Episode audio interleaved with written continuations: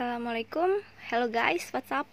So, ini adalah podcast pertama gue dan sejujurnya tuh gue bingung dengan tema apa yang akan gue sajikan di podcast gue kali ini. Bukan podcast gue kali ini ya, ini tuh podcast pertama gue dan ya gue kayak ngeblank gitu apa yang mau gue omongin di podcast dan apa yang mau gue share di podcast gue ini.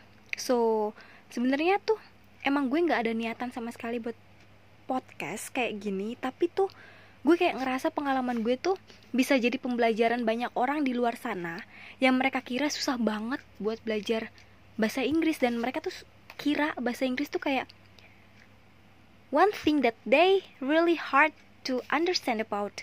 So, melalui podcast gue ini dan gue ingin ngasih tahu ke kalian, gue ingin sharing ke kalian kalau bahasa Inggris tuh mudah, kayak lu kayak ngomong bahasa Indonesia aja. Jadi kayak bahasa Inggris tuh sama kayak bahasa Indonesia asal lo bisa mempelajarinya dengan baik lo bisa ngomong bahasa Inggris kayak lo bisa ngomong pakai bahasa Indonesia. So bahasa Inggris tuh bahasa yang menyeluruh.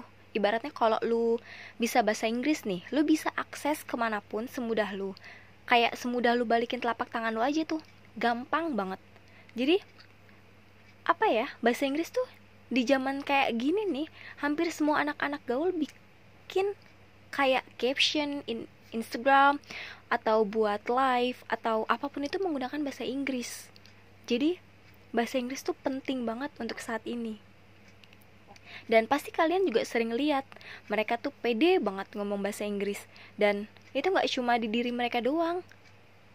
Bukan hanya di diri mereka doang yang bisa pede, tapi kalian juga bisa pede untuk ngomong pakai bahasa Inggris.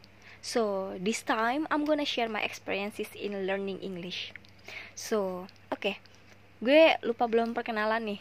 Nama gue Riva, anak perempuan pertama di keluarga gue dan anak yang dituntut bisa jadi panutan adik-adik cowok gue dan ya, anak perempuan yang dulu sempet dianggap nggak penting lah untuk melanjutin pendidikan ke jenjang kuliah. Ya, ya itu juga terjadi di diri gue. Sebagai anak perempuan yang nggak yang apa ya yang mereka pikir tuh nggak guna-guna amat lah untuk lanjutin sekolah tinggi-tinggi karena pada akhirnya kita sebagai anak perempuan akan kembali ke dapur. Tapi gue tetap bertekad, gue harus melanjutkan kuliah karena kuliah tuh nggak cuman untuk karir kita aja. Tapi sebagai jembatan kita untuk memberikan jalan ke anak-anak kita ke arah pendidikan dan masa depan yang lebih baik. Is it right? Ya. Yeah. Oke, okay, gue balik lagi ke topik kita uh, gue lulusan SMK dengan jurusan akuntansi yang hanya dapat nilai 7,5 pada UN bahasa Inggris dan gagal masuk STAN. Karena apa? Karena gue bodoh banget ya bahasa Inggris. Dan saat ngerjain soal STAN tuh semua soalnya gampang sebenarnya kayak MTK-nya gampang, psikotesnya gampang, tapi pas gue dapet soal bahasa Inggris, pas gue buka lembaran bahasa Inggris, oke, okay, gue stuck di situ. Gue nggak kayak apa ya? Kayak gue nggak ngerti bahasa Inggris gitu loh. Jadi kayak MTK mudah kita cuma ngitung-ngitung. Psikotes juga gampang. Kayak itu cuma di alur pikiran kita lah. Tapi bahasa Inggris dan itu gue nggak punya skill sama sekali dan bahasa Inggris lah yang membuat gue nggak lolos. Dan itu juga terjadi di semester awal gue di sastra Inggris ini. Ya gue adalah mahasiswi sastra Inggris di kampus swasta di Jakarta tapi yang gue omongin tadi di awal yang semester awal gue di sastra Inggris tuh kayak hampir sama di stan itu bukan berarti gue nggak lolos atau hanya dapat nilai rendah di semester awal gue. Tapi gue merasa skill gue lemah dan rendah banget di bahasa Inggris. Satu matkul di semester uh, awal gue di bahasa Inggris di sastra Inggris ini yang membuat gue berpikiran seperti ini tuh adalah listening. Gila lu tuh cuman disuruh duduk sebenarnya terus dengerin kayak speakernya ngomong. Dan itu tuh ngomongnya British abis kayak apa ya mereka tuh nggak ngomong tapi bibirnya tuh nggak disatuin. Jadi kayak ngomongnya tuh kayak terbang kayak nggak jelas gitu. Pronounce-nya tuh kayak nggak jelas di kuping gue dan itu tuh ya Allah gue merasa banget orang terbodoh di kelas. Karena gue tuh terkadang cuma denger speakernya tuh ngomong cang ceng cong cang ceng cong. Dan gue nggak ngerti apa pun. Tanpa tahu apa yang mereka omongin dan juga di matkul speaking gue udah merasa seperti itu juga. Udah mana dosen gue bule orang British asli. Jadi deg-degan parah pas matkulnya do itu. Walau to be honest emang emang ya waktu gue sama dosen British gue tuh dosen speaking gue tuh sebenarnya enak banget diajar sama dia. Karena dia tuh ngajar bukan cuma teorinya aja tapi prakteknya dan budaya. Atau lebih simpelnya tuh dia ngajarin semua kayak aktivitas yang emang terjadi dan emang orang British lakuin di Inggris sana. Dan itu tuh sangat memberi uh, ilmu banget buat gue dan teman-teman gue dan gue juga sangat bersyukur sih punya temen yang bisa support gue dan dia tahu kelemahan gue tapi dia nggak ngerendahin gue. Dan gue masih bersyukur banget punya teman-teman kayak gitu. Dan gue masih inget dulu ceritanya tuh gue dapet tugas dari dosen matkul speaking gue yang bule itu buat bikin uh, conversation to invite someone to join a party. Jadi oke okay lah gue tahu dia bagus banget. Teman gue ini bagus banget bahasa Inggrisnya skillnya udah parah abis lah keren banget deh kalau dia ngomong juga keren banget. Nah di situ tuh gue kayak lanjutin conversation yang ditulis di kertas dengan kata awesome. Lo tau kan uh, ngeja awesome gimana? A W E S O M A atau A W E S O M A. Dan lu tahu apa yang gue tulis di kertas? Yang gue tulis di kertas tuh A U S O M awesome.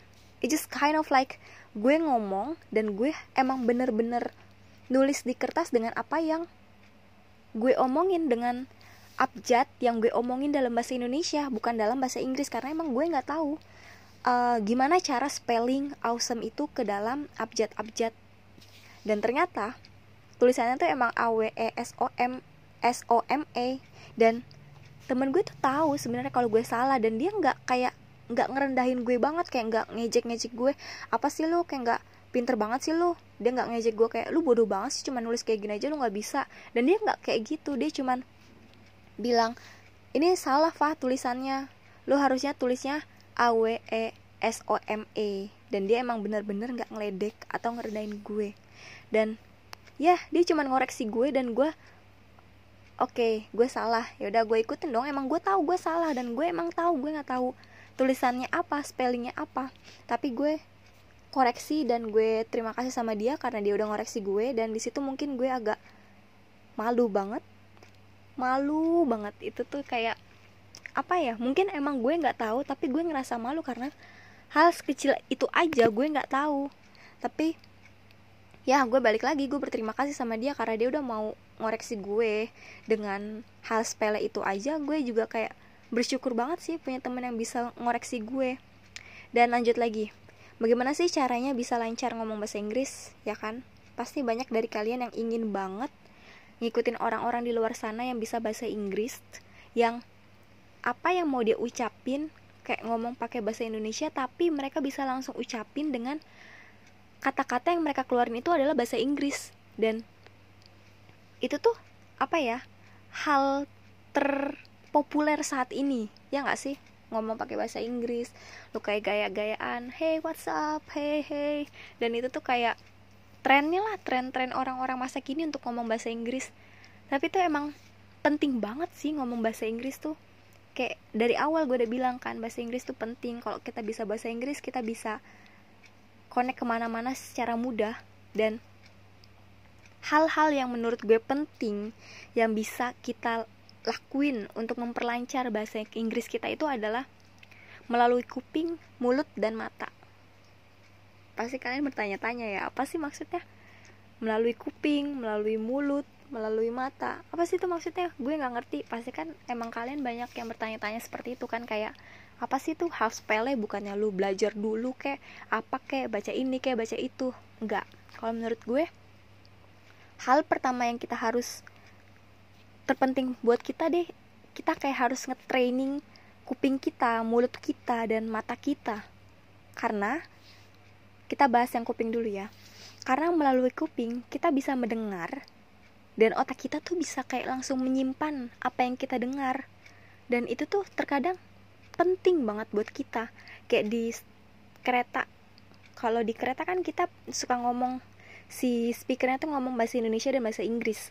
Kadang kalau misalnya kita ngomong bahasa eh kalau speaker yang ngomong bahasa Indonesia kita juga lama kelamaan kalau naik kereta itu pasti kita ngerti lah apalah apa yang dia omongin di kereta tersebut di bahasa Indonesia tersebut. Dan terkadang bahasa Inggrisnya itu juga lama kelamaan kalau kita sering mendengar orang di kereta itu yang uh, masinisnya bilang dalam bahasa Inggris dan lama kelamaan kita pasti akan ngerti apa yang masinisnya itu omongin dan apa yang masinisnya itu maksud.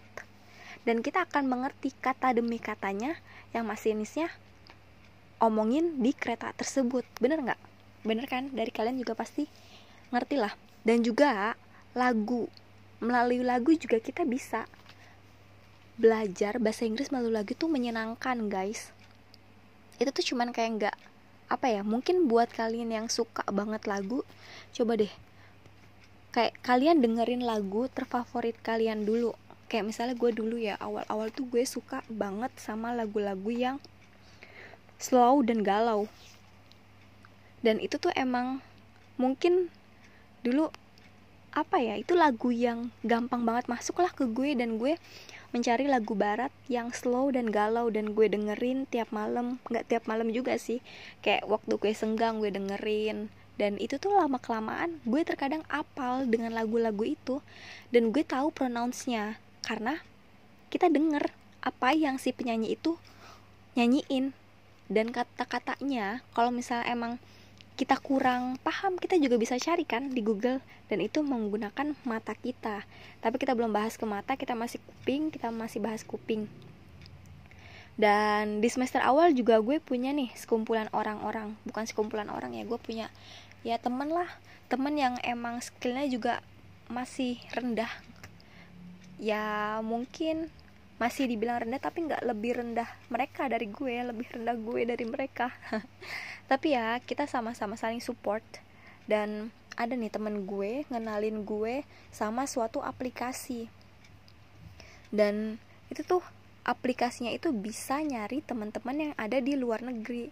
Is that kind of like looking for someone to be a boyfriend but aplikasi ini tuh cuman kayak looking for someone to learn about English through conversation with them so gue kayak berniat ya udahlah mungkin ini salah satu cara gue juga untuk mempermudah gue ngomong dalam bahasa Inggris. So gue juga langsung download the application and gue daftar gue register the application.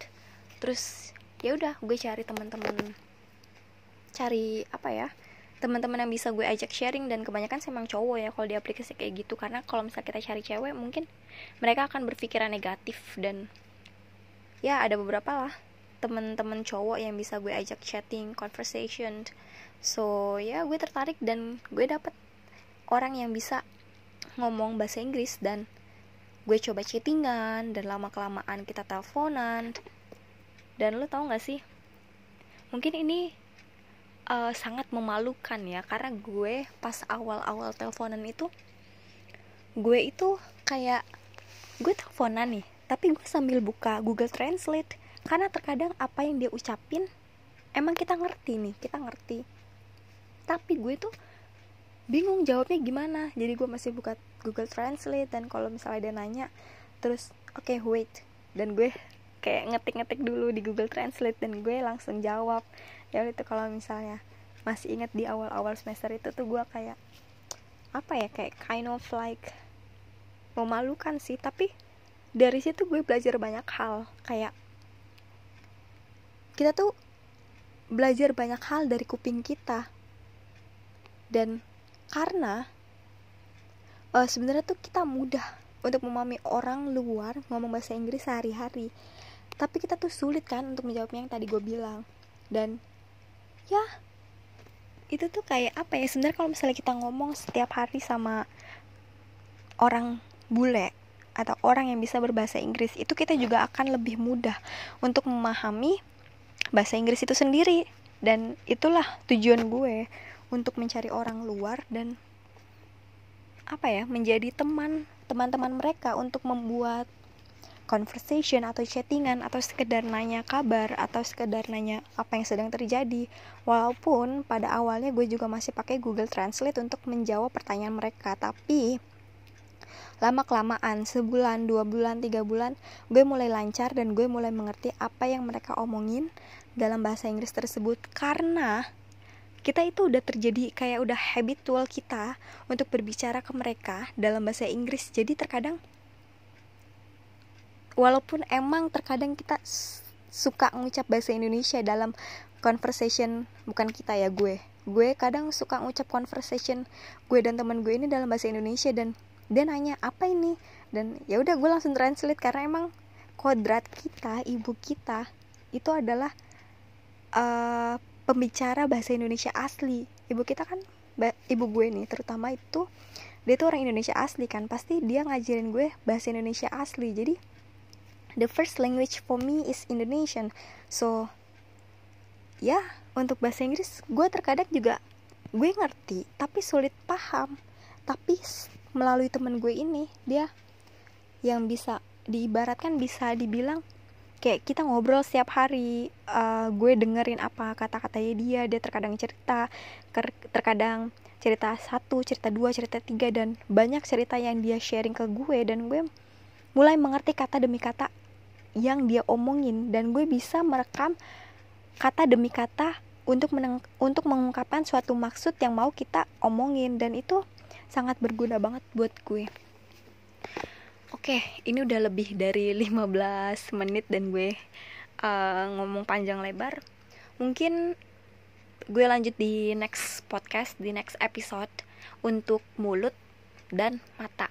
Untuk kuping ya sekian dari gue itu untuk kuping ya intinya untuk kuping kita harus tetap sering-sering mendengar orang ngomong bahasa Inggris bukan podcast ini tuh bukan gue mempromot suatu application like you have to download it to be a good to be a good people who listening in listening and in speaking. But maksud tujuan podcast gue kali ini tuh gue kayak ngasih tahu ke kalian kalau misalnya melalui kuping kita bisa lebih mudah untuk memahami bahasa Inggris dan lebih mudah lagi untuk mengerti kata-kata yang mau kita ungkapkan kata-kata sehari-hari yang mau kita ungkapkan oleh mulut kita. Karena otak kita sudah merekam kata-kata itu melalui kuping kita tentunya. Oke.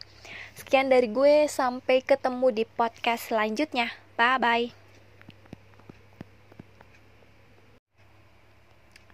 Assalamualaikum warahmatullahi wabarakatuh. Kembali lagi nih sama gue di podcast gue.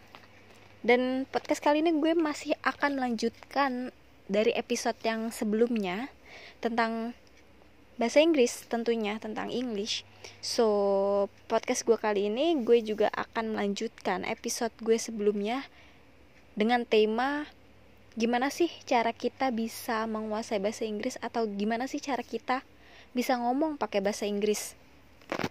Oke, okay.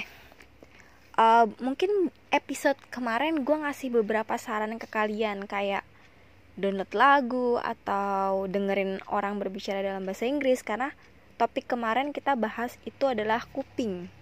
Kita harus banyak mendengar, kita harus banyak banyak banyak mendengar orang berbicara dalam bahasa Inggris. Jadi gimana? Kalian yang menggunakan kereta api kalian tuh udah apal belum apa yang masinisnya omongin pakai bahasa Inggris ya nggak karena kan kalian pasti setiap hari setiap waktu mendengar masinisnya tuh ngomong dari satu stasiun ke stasiun lain masinisnya ngomong dalam bahasa Indonesia dan juga bahasa Inggris pasti kalian yang sering banget naik kereta api atau KRL atau setiap harinya kalian emang menggunakan KRL pasti kalian kan mengerti apa yang masinisnya omongin jika kalian mendengarkannya baik-baik dan menggunakan kuping kalian untuk mendengarkannya tentunya. Dan pasti ini akan terus terngiang di kuping kalian. Dan kalian pasti akan mengingatnya kan? Nah, jadi buat kalian yang belum melakukan trik kuping yang sesuai podcast gue atau sesuai di episode sebelumnya, coba deh kalian mulai dari sekarang. Kalian cari beberapa lagu atau kalian coba dengerin orang dalam berbicara bahasa Inggris dan kalian pasti akan lebih mudah untuk memahaminya di beberapa waktu yang akan datang. Oke, buat lagu gue sih dulu suka banget sama lagu lagunya Taylor Swift yang Last Kiss and Back to December. Because gue kayak gue kan ngasih saran ke kalian dengerin lagu dan lagu yang paling gue suka pada saat belajar bahasa Inggris tuh lagu yang galau dan slow. Karena lagu yang galau dan slow itu menjadi andalan gue banget karena dia tuh bisa memahami bahasa memahami feeling kita perasaan kita. Mungkin lagu galau dan slow itu sebenarnya kayak kurang bersemangat. Tapi lagu galau dan slow itu mudah banget diingat sama gue. Dan mudah banget gue untuk memahami bahasa Inggris dari lagu-lagu tersebut. Karena emang liriknya tuh kayak apa ya kayak sesuai lah dengan kehidupan gue. Jadi saat gue mendengarkan lagu itu atau gue mengingat sesuatu dan itu bisa membuat otak gue terus berkembang terus mengingat lagu itu dan otak gue membuat gue hafal dengan lagu itu dan tahu liriknya kata demi kata dan itu bisa membantu gue untuk menghafal vocabulary gue dalam bahasa Inggris ini tentunya. Jadi, lagu favorit kalian apa? Kalau belum ada, coba deh cari dulu dan coba dengerin dulu guys. Karena kuping kalian pasti akan merekam kata demi katanya dan langsung dicatat otak kita biar suatu saat tuh kalau kita misalnya mau ngucapin sesuatu nih kayak mau bahas dalam bahasa Inggris atau kita mau menjawab pertanyaan teman kita dalam bahasa Inggris otak kita tuh akan langsung mengeluarkan kata-kata dari mulut kita itu dalam bahasa Inggris karena kita sudah hafal vocabulary-nya. Jadi itu yang harus kita uh, perhatiin ya. Untuk menghafal vocabulary kita bisa lewat lagu Terus kalau kalian dengerin lagu, pernah gak sih kalian juga ikutan nyanyi? Apalagi gak lagunya tuh sesuai banget sama perasaan kalian. Dan ya itu tuh yang gue maksud. Yang gue maksud tadi kalau kita udah sering dengerin lagu barat otak kita udah merekam dan pasti otomatis mulut kita akan mengeluarkan kata-kata yang udah direkam otak kita. Nah ini tuh sangat uh, berkesinambungan sama tahap selanjutnya yang bisa bikin kalian uh, gunain untuk melatih diri kalian yaitu mulut kalian. Ya coba deh. Pertama-tama kalian nyanyi dulu deh pakai bahasa Inggris atau coba deh kalian ngomong sama teman kalian nih pakai bahasa Inggris. Nah nanti lama kelamaan otak kita akan selalu merespon ucapan atau cara menjawab pertanyaan bahasa Inggris dengan kalimat bahasa Inggris yang emang udah ada di otak kita dan keluar dari mulut kita. Ibaratnya tuh kata demi katanya tuh udah pasti akan selalu muncul di otak kalian karena kalian sudah merekam semuanya di otak kalian dan kalian bisa mengucapkan itu secara langsung, secara otomatis. Jadi gue saranin ke kalian, kalian juga bisa sering-sering nyanyi deh pakai lagu bahasa Inggris. Lalu juga kalian bisa nih pas nonton film barat terus kalian nemuin kata-kata yang membuat kalian wow itu katanya keren kayak gue gue waktu nonton film Harry Potter dan gue sering banget dengar kata ridiculous dan itu kata yang membuat gue keren. Maksudnya kata yang emang keren gitu loh. Dengan kata ridiculous dan gue emang awalnya nggak tahu kan. Makanya walaupun gue nggak tahu gue searching apa sih artinya ridiculous dan gue sering ucapin dan gue sering dengar jadinya gue tahu kata itu artinya apa dan kapan menggunakan kata itu. Nah karena itu guys kita akan selalu disimpan sama otak kita. Apa yang kita ucapkan akan selalu disimpan sama otak kita. Ya, itulah kehebatan otak kita, kehebatan otak kita yang diciptakan oleh Tuhan kita, Allah Subhanahu wa taala. Dan kita harus bersyukur karena otak kita mampu merekam semua aktivitas kita dan pastinya memperlancar kita untuk belajar. So say, alhamdulillah. Dah, yang ketiga dan bukan yang terakhir juga sih sebenarnya karena emang masih banyak trik yang bisa kita gunain untuk belajar. Tapi untuk saat ini ada yang mau gue sampin itu adalah trik yang ketiga. Trik yang ketiga itu yang mau kita bahas adalah mata kita. Nah kalian juga pasti akan nanya kenapa sih mata yang akan menjadi trik kita saat ini untuk belajar? Emang apa sih gunanya mata? Apa sih maksudnya? Kenapa sih disebutnya mata? Nah karena apa ya mata itu bisa merekam suatu kejadian secara langsung dan merekam cara kejadian itu secara langsung dan otak kita langsung menyimpannya. Coba kalian bayangin deh kalian kan pasti pernah nih lagi jalan terus kalian lihat cowok ganteng atau cewek cakep dan pasti kalian langsung terngiang-ngiang di otak kalian karena kalian melihat cowok ganteng atau cewek cantik itu dengan mata kalian dan memang otak kalian pasti akan selalu merekamnya dan otomatis kalian akan terngiang-ngiang di pikiran kalian oleh kecantikan atau kegantengan orang tersebut. Nah, begitu juga dengan belajar bahasa Inggris. Dengan menggunakan mata, kita jadi bisa lebih mudah untuk menguasai bahasa Inggris tersebut. Nah, ambil simpelnya gini. Uh, contohnya di film. Kalian pasti suka kan nonton film. Ya, hello lah zaman sekarang. Siapa sih yang nggak mau nonton film? Apalagi filmnya tuh bisa membuat kita terhibur atau otak kita berpikir atau imajinasi kita melayang. Dan ya itu semua akan selalu menghibur kita sih film-film tersebut. So dengan mata kalian kalian bisa nih merekam apa yang kalian lihat di film. Dan itu tuh emang sangat berguna banget sih film itu karena apa yang kalian lihat akan selalu kalian rekam dan itu akan terngiang terus sih di otak kalian dan kalian bisa menemukan vocabulary yang tepat pada saat kalian berbicara karena kalian sudah sering melihat kata-kata tersebut diucapkan oleh aktor dan aktrisnya. Nah, kalian juga harus tuh perhatiin cara aktor dan aktris yang ngomong. Jadi kalian bisa tahu cara pronunciationnya yang benar karena kebanyakan orang itu dalam bahasa Inggris, dalam berbicara bahasa Inggris, pronunciationnya itu nggak benar. Maksudnya nggak sesuai dengan apa yang seharusnya diucapkan. Seharusnya cara mengucapkannya itu belum benar. Jadi terkadang itu membuat lawan bicara kita sulit untuk memahaminya karena terkadang apa yang kita ucapkan apa yang mau kita ucapkan tapi pronunciation itu nggak benar. Jadi lawan bicara kita bingung. Apa sih yang diucapin? Apa sih yang diomongin? Gue bingung deh. Apa sih kalian berpikiran kayak gitu kan? Apalagi kalian kalau ngomong sama orang barat atau orang luar negeri yang emang notabene-nya mereka berbicara dalam bahasa Inggris. Kalau kalian pinter jago punya vocabulary yang banyak tapi pronunciation kalian masih sedikit percuma sih sebenarnya. Bukan percuma banget cuman terkadang itu membuat suatu masalah untuk kalian dalam making conversation with them.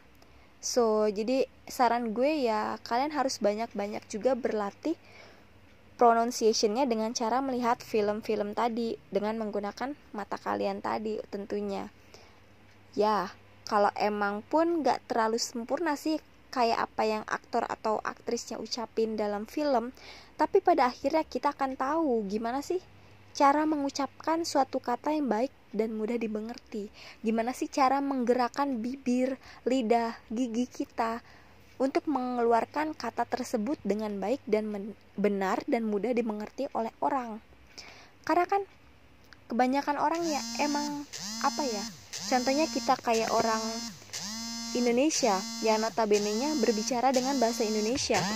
Walaupun kita belajar bahasa Inggris, walaupun kita belajar bahasa Inggris, tapi kita pada akhirnya akan menggunakan pronunciation atau accent kita menggunakan bahasa bahasa Indonesia. Accent saat kita berbicara bahasa Indonesia. Terlebih lagi kalian yang emang kayak tinggal di daerah-daerah yang menggunakan bahasa lain seperti bahasa Jawa atau adat-adat lain itu pasti kalian saat ngomong bahasa Inggris kalian akan tetap menggunakan aksen-aksen bahasa kalian, bahasa first language kalian. Jadi, dengan menggunakan mata kalian, kalian bisa banyak belajar gimana sih cara berbicara yang benar dan baik. Bagaimana cara melafalkan suatu kata demi kata hingga membentuk suara yang bisa diterima oleh lawan bicara dan mudah dimengerti oleh lawan bicara. Nah, jadi saran gue ya itu tadi perbanyaklah juga untuk menonton TV atau film. Tentunya film barat ya guys. Dan kalau misalnya film Indonesia ya sama aja kalian nggak belajar apa pun dari film itu. So ya film itu sebenarnya juga bisa melatih kuping kita kan nggak cuman mata kita tapi kuping kita juga dilatih karena kita juga berbicara, saat aktor berbicara, kuping kita mendengar, saat aktor mengucapkan suatu kata, mata kita juga melihatnya. Dan juga mulut kita bisa mengikuti caranya. Jadi dalam film tuh sebenarnya ada tiga tiga tiganya nih. Tiga trik ini nih bisa dipakai. Dari kuping mulut dan mata tentunya. Oke okay guys. Mungkin untuk podcast kali ini gue cukup sampai di sini aja dan kita bisa ambil kesimpulan dari podcast pertama gue dan podcast kedua gue ini ya intinya sih semua orang itu bisa ngomong dalam bahasa Inggris. Kalau mereka punya tekad yang kuat dan tekad mau untuk belajar. Karena sebenarnya bahasa Inggris itu mudah. Dan itu nggak membutuhkan waktu lama jika kalian emang rajin untuk memanfaatkan telinga, mata dan dan mulut kalian untuk belajar bahasa Inggris. Tentunya seperti apa yang gue bilang pada podcast pertama telinga kita harus banyak mendengarkan mata kita harus banyak melihat bagaimana cara melafalkan suatu kata dan dari mulut kita bisa mengetahui bagaimana cara berbicara cara menggunakan mulut kita untuk melafalkan suatu kata. Karena bahasa Inggris tuh intinya bukan cuman hanya teori aja ya gimana cara belajar ini belajar itu gimana cara menguasai ini menguasai itu tapi juga kita harus praktek. Dan satu hal lagi yang penting dan kalian harus ingat adalah kalian tuh nggak usah takut atau nggak usah merasa minder kalian bicara bahasa Inggris walaupun kalian diejek sama teman kalian ah sok lu pakai bahasa Inggris apa sih lu gaya-gayaan pakai bahasa Inggris? Udah deh nggak usah mikirin mereka. Karena itu bahasa Inggris tuh bukan cuman buat gaya-gayaan karena itu juga bisa bermanfaat untuk hidup kalian di masa depan di masa sekarang dan di masa depan.